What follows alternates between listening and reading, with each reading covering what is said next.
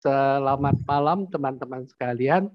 Eh, malam hari ini kita ditemani oleh Kok Arya Wamsa Franky.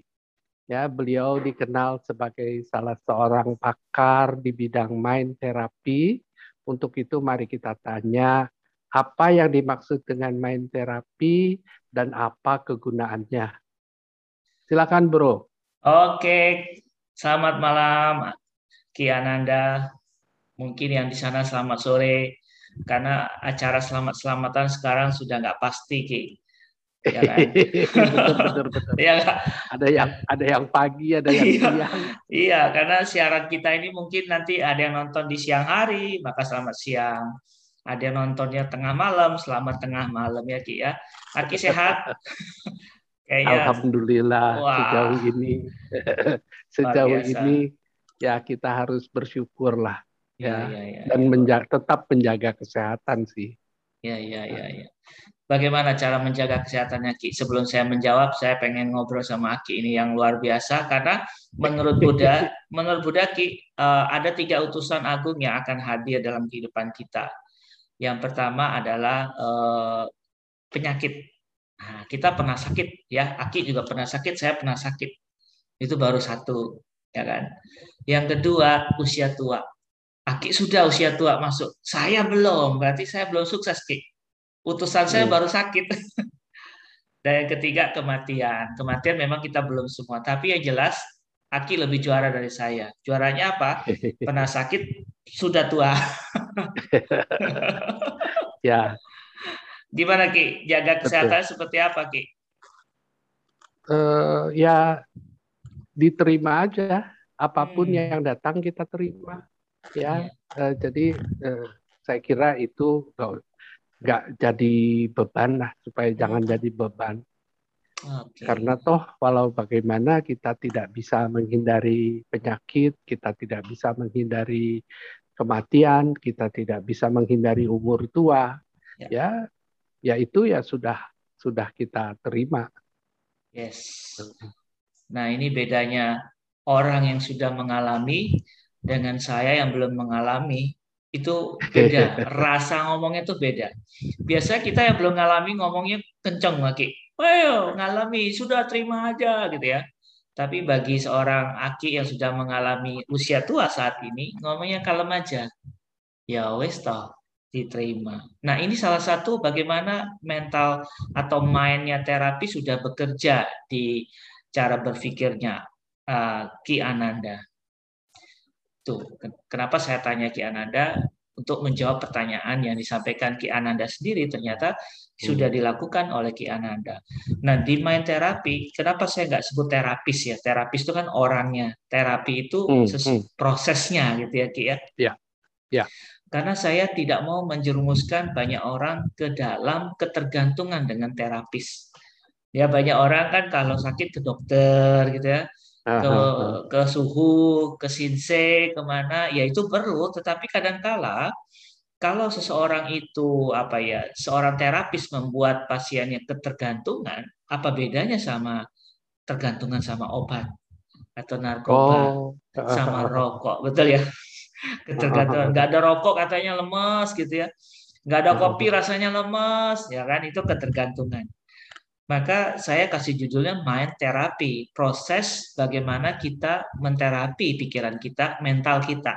Karena mind beda sama dengan oh. thought, thought atau pikiran. Okay. Ya okay. kalau mind lebih ke batin. Hmm. Ya. Hmm. Maka bahasa Inggris mind itu lebih tepat untuk batin kalau terjemahannya.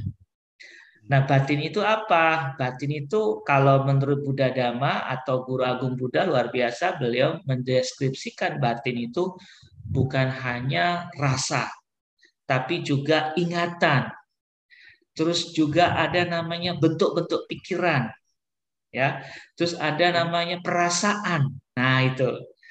Itu batin menurut Buddha, Guru Agung Buddha. Nah, yang saya fokuskan pelajari Tentu ini karena saya juga praktisi ikut pernah ikut uh, Ki Ananda dalam apa namanya pembelajaran meditasi yang rutin.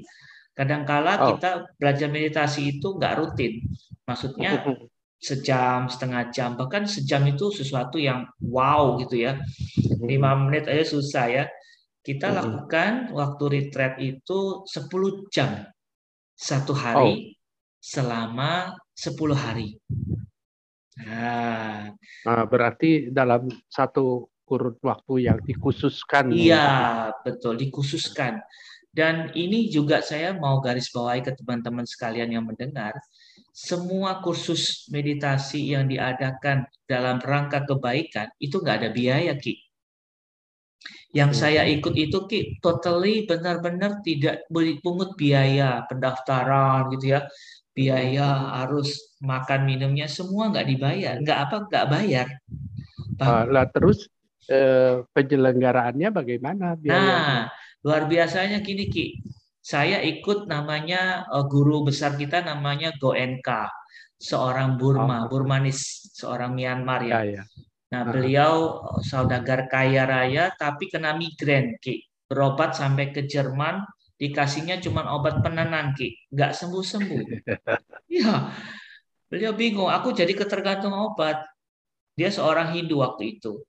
Tapi hmm. karena dia akhirnya nggak ada jalan lain, akhirnya dia terpaksa ikut Vipassana. Waktu itu gurunya saya Giu Bakin.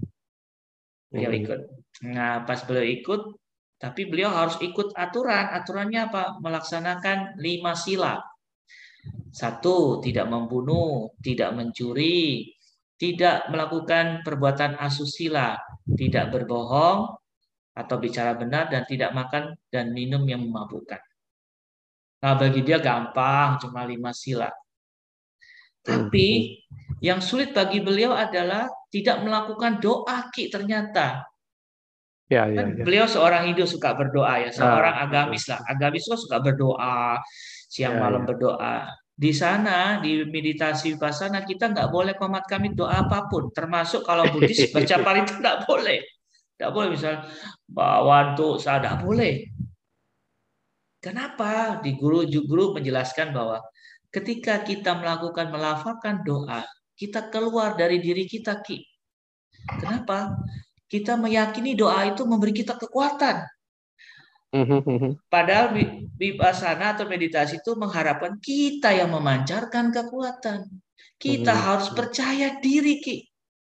Ya, ya. Ah, Jadi itu. dari dalam bukan ya. dari luar. Betul. Kalau kita berdoa, kita selalu sujudnya kan ke satu objek di luar sana. Ya, Dan kita ya. berharap kan objek di luar sana membantu kita.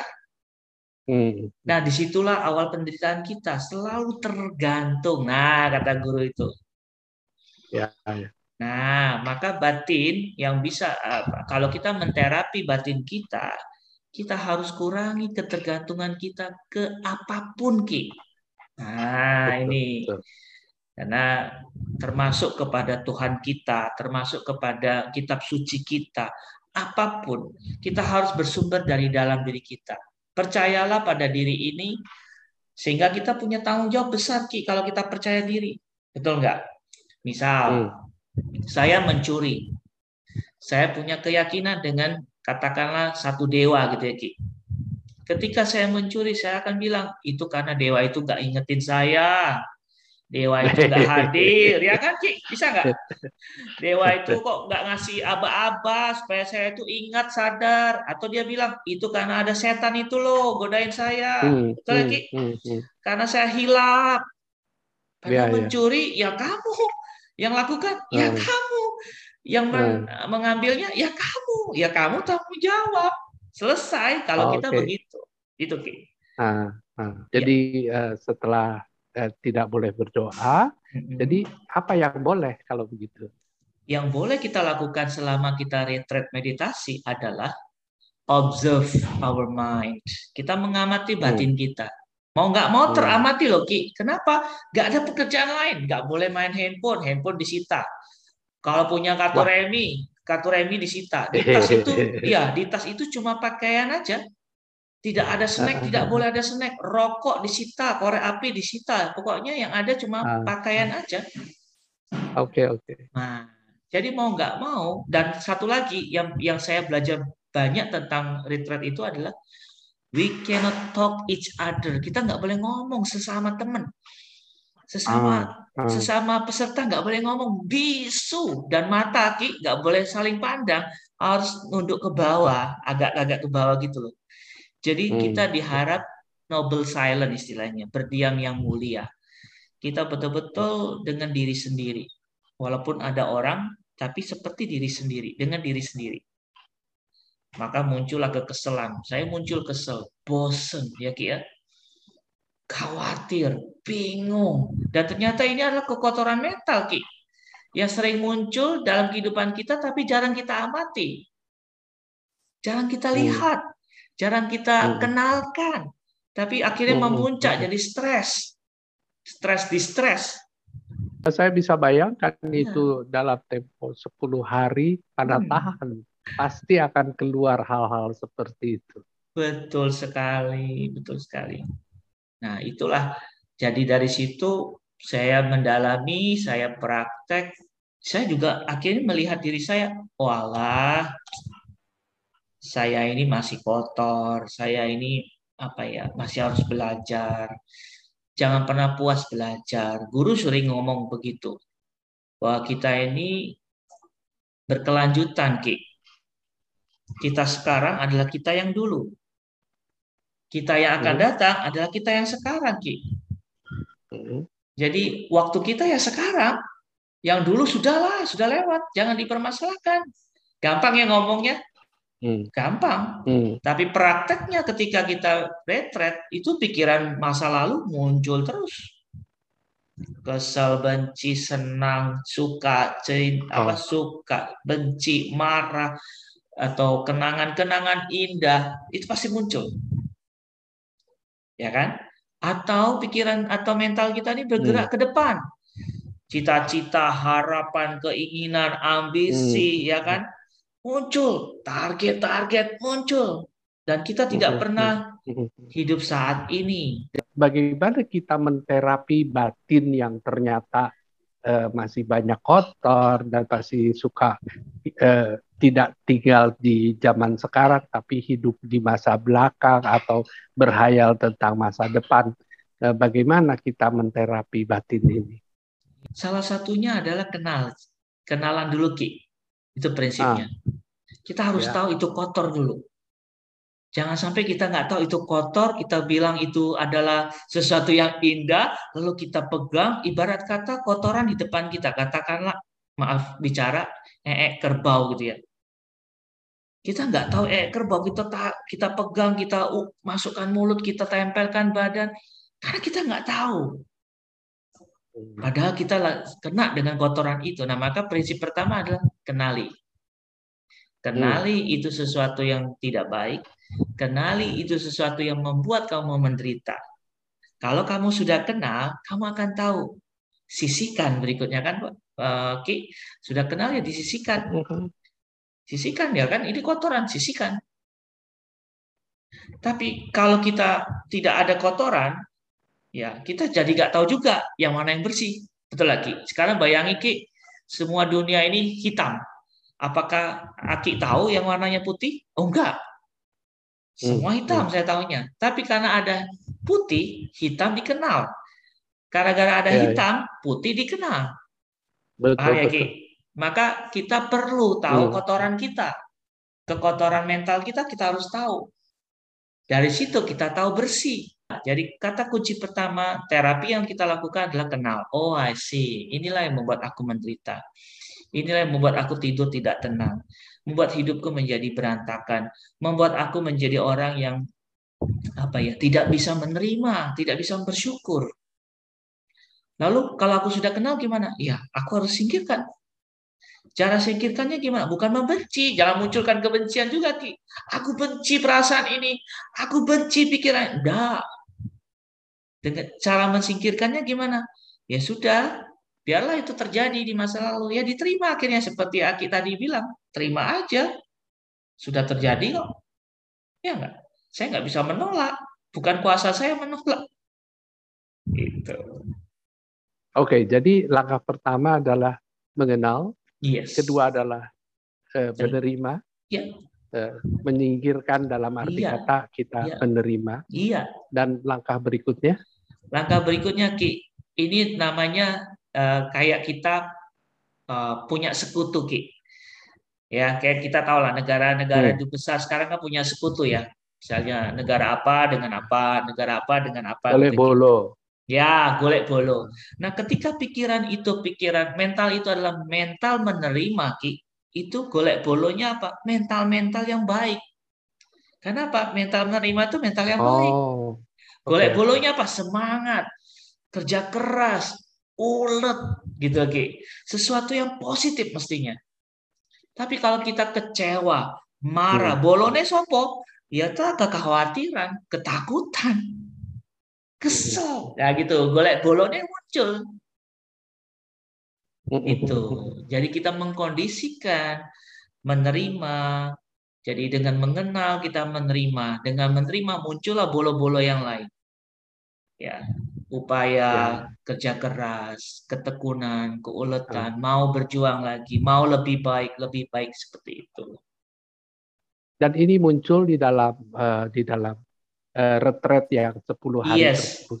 Itu jadi hukumnya uh. automatically Ki. Seperti roda kalau uh. sudah berputar, uh. itu terus maju atau mundur kan Ki?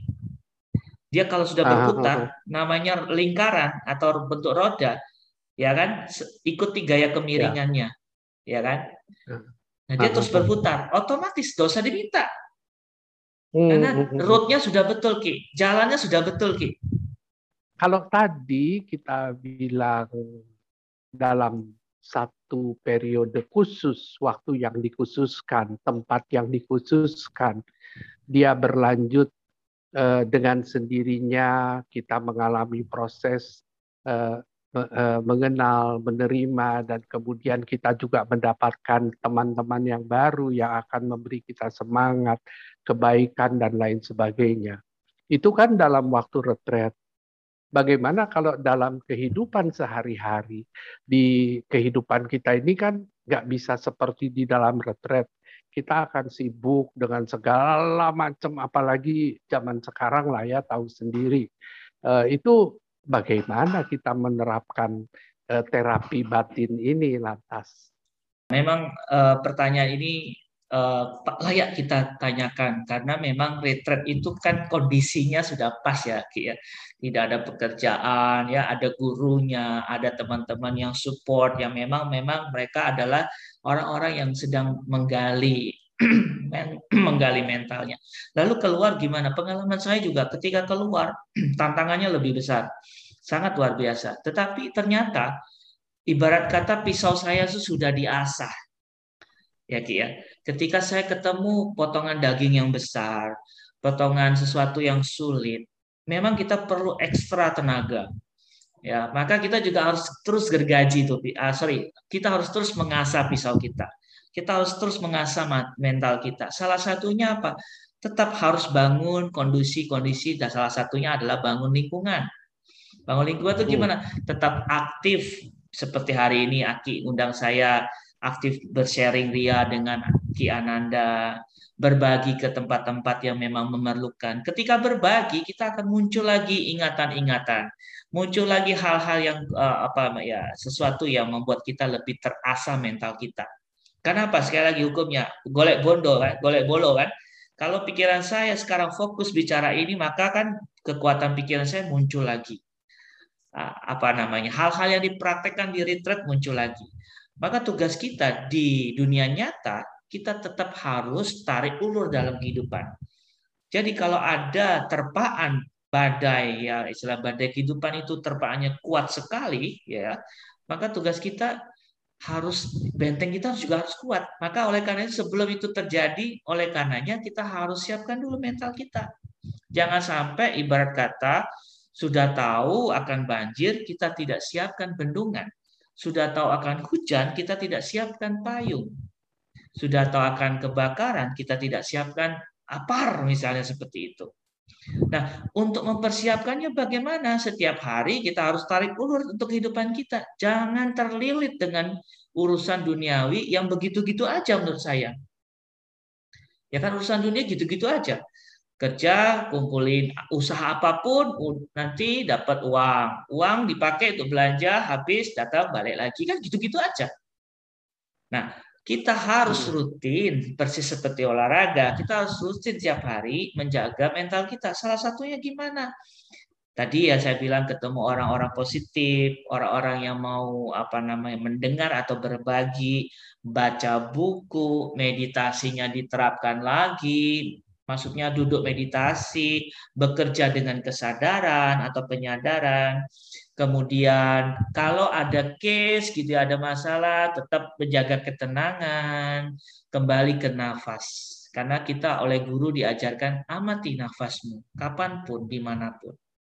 Karena nafas ini barometer emosi kita, barometer mental kita. Kalau nafas ini terlalu tergesa-gesa, ya maka kita akan terlihat mental kita lagi labil. Terlalu panjang, terlalu panjang atau terlalu lembut sekali gitu ya terlalu panjang atau terlalu ya terlalu panjang lah. Hmm, kita terlalu malas. Tapi kalau kita hmm. stabil tarik nafasnya stabil seperti biasa normal maka pas. Istilahnya frekuensinya pas. Saya potong sedikit nih. Dengan segala hormat terhadap uh, guru Goet Kaji apakah beliau meminta kita untuk mengatur napas ataukah mengawasi napas. Karena kalau kita disuruh mengatur napas supaya tidak terlalu cepat, tidak terlalu lambat, tidak terlalu panjang, tidak terlalu pendek, nanti kita sibuk juga nih. E, sibuk dalam arti kata jadi ngurusin napas kita gitu. Betul, betul. E, bagaimana kalau menurut e, Mas Franky? Iya, jadi maksudnya tadi uh, Ki Ananda, kita nafas ini menjadi barometer. Kita ya. cukup amati apakah dia kencang, okay. apa, cepat atau lambat. Aha. Kita nggak mengatur, betul sekali. Kita nggak boleh okay. mengatur. Nanti pekerjaan kita nambah, nambah repot. Tugas kita cuma mengamati. Oh, lagi cepat. Ya sudah, aku agak kendurkan uh, pekerjaannya, relax dulu Oh, terlalu rileks. Saya nggak boleh nih, nanti kita ngantuk. Ayo, sekarang bergerak hmm. dulu. Seperti itu. Jadi barometer ini cuma untuk pengamatan, alat ukur aja. Selanjutnya kita ubah kondisi kerja kita, kondisi mental kita, supaya sekali lagi dia menjadi apa stabil, ah, tidak labil tapi stabil. Ya, jadi stabil atau katakanlah harmoni ini adalah kata kunci ya. ya. Tidak tidak terlalu ekstrim ke sana, tidak ya. terlalu ekstrim ke sini, seperti jalan tengah yang diajarkan juga oleh Buddha. Saya mau um, apa namanya sedikit koreksi terjemahan jalan tengah itu ya. Kalau saya baca beberapa terjemahan, mereka menggunakan istilah jalan poros. Nah ini saya lebih menarik dengan jalan poros. Karena kalau kita sebut tengah, ya ibarat kata di antara kiri dan kanan ada tengah gitu ya. Ditabrak ya, mobil deh. Iya. jadi dia irisan kalau dalam matematika bilang irisan kiri dan kanan itu jadi tengah, ya kan. Tapi kalau ah. poros itu beda dengan tengah. Poros itu oh, sumber. Ya, kembali ke ah, sumber. Ah. Nah, ini. Maka terjemahan beberapa Tipitaka itu yang pada umumnya kita belajar itu menurut saya agak kurang pas jalan mulia, jalan tengah berunsur delapan ya, kalau nggak salah diterjemahin sering begitu. Jadi kurang pas, karena dia bukan tengah-tengah, tapi dia poros, hmm, titik hmm. pusat, titik pusat kalau lingkaran hmm, itu ya. Nah kalau poros itu berarti dia uh, sumber gerak, sumber kehidupan. Ya, jadi kita kembali kepada asalnya kita, yaitu apa? Yaitu adalah sesuatu yang ya begitu aja, nggak harus ekstrim banget. Kiri kanan nggak usah ya gitu aja. Yang penting tetap berada di jalan yang benar di poros yang tepat kan gitu. Supaya muternya pas gitu loh. Se, se, se. bagaimana kita mengetahui bahwa kita ini sudah di jalan yang benar? Sudah seperti ini memang uh, persepsi ya karena menurut saya pengalaman saya dengan apa main terapi ini saya melihat Oh, tidak bisa kita menerjemahkan kebenaran atas atas satu kalimat karena kebenaran itu milik masing-masing.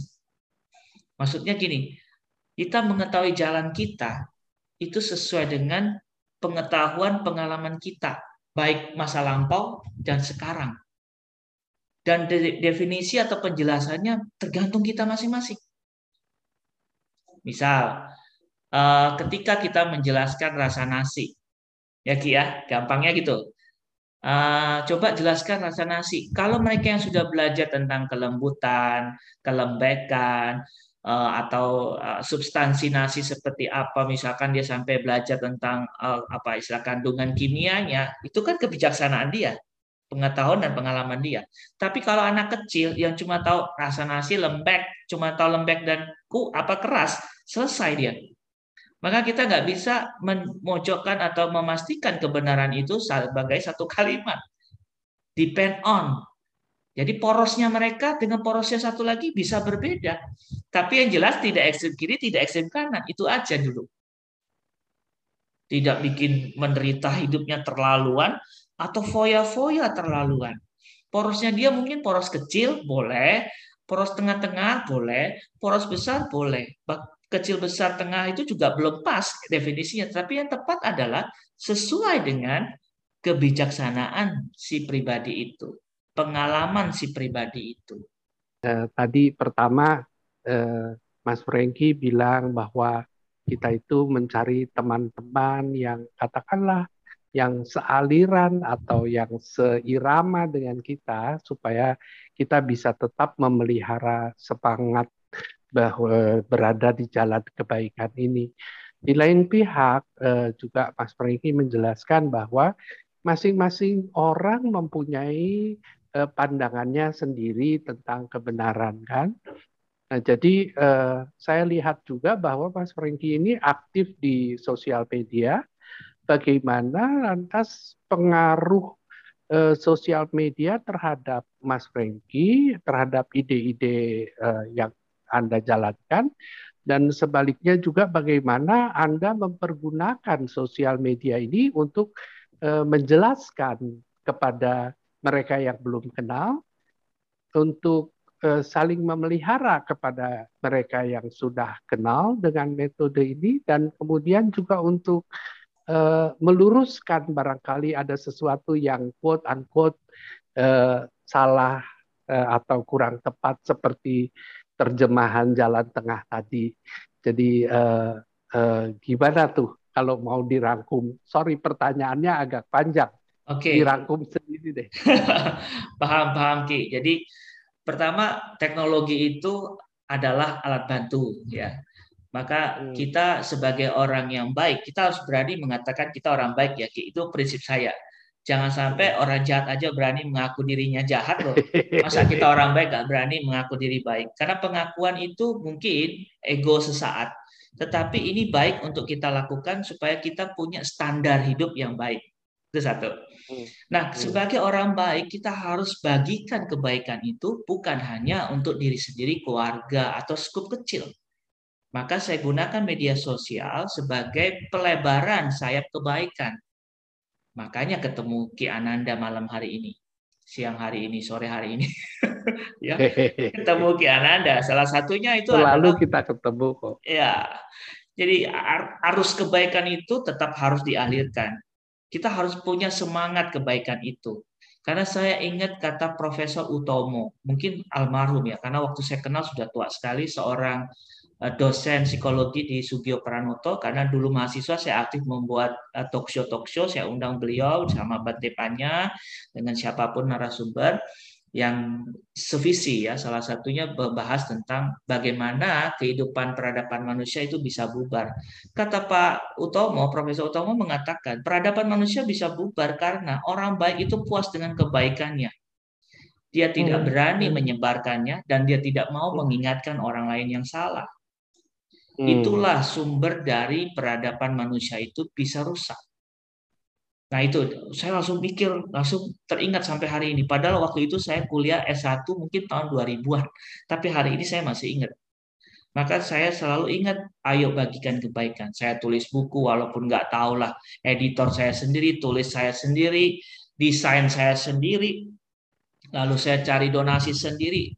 Karena saya belum tahu bagaimana untuk membuat buku yang besar. Saya nggak bisa semampu saya. Ibarat kata kalau orang bangun rumah, saya cuma bisa nyemen aja ya sudah saya semen. Toh ini bangunan untuk jadi rumah. Kalau saya bisa kayu, saya bantu bagian kayu. Tapi kalau saya nggak bisa semua, saya cuma bisa mengumpulkan batu, saya kumpulkan batu.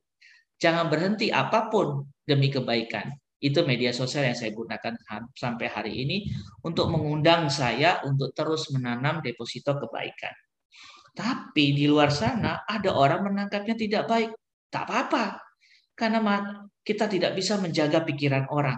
Kita tidak ngerti kebijaksanaan orang. Pengalaman hidup mereka kita nggak pernah tahu. Tapi jangan lupa di luar sana juga ada yang merasa positif dengan apa yang kita bagikan. Merasa bahagia dengan apa yang kita bagikan. Tugas kita adalah memilih memilih kritikan atau memilih manfaat yang didapat. Ya kan? Kalau kita memilih kritikan dan menderita, wah rugi. Mendingan saya fokus kepada apa yang buat saya happy. Karena hidup itu pilihan. Ya, wonderful.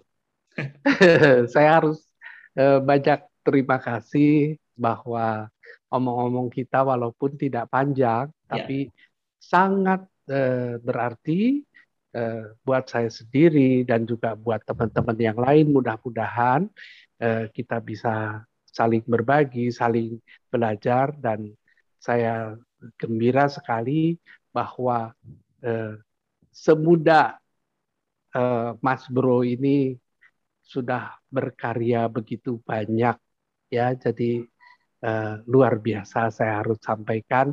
Tidak saja saya menghormati Guruji Goenka tapi juga saya menghormati Guruji saya saat ini uh, Mas Arya Wamsa Frengki. Luar biasa sekali lagi. Terima kasih. Sama-sama. Bicara main terapi, bicara mengenai proses bagaimana kita membuat mental kita ini lebih nyamanlah bersama kita.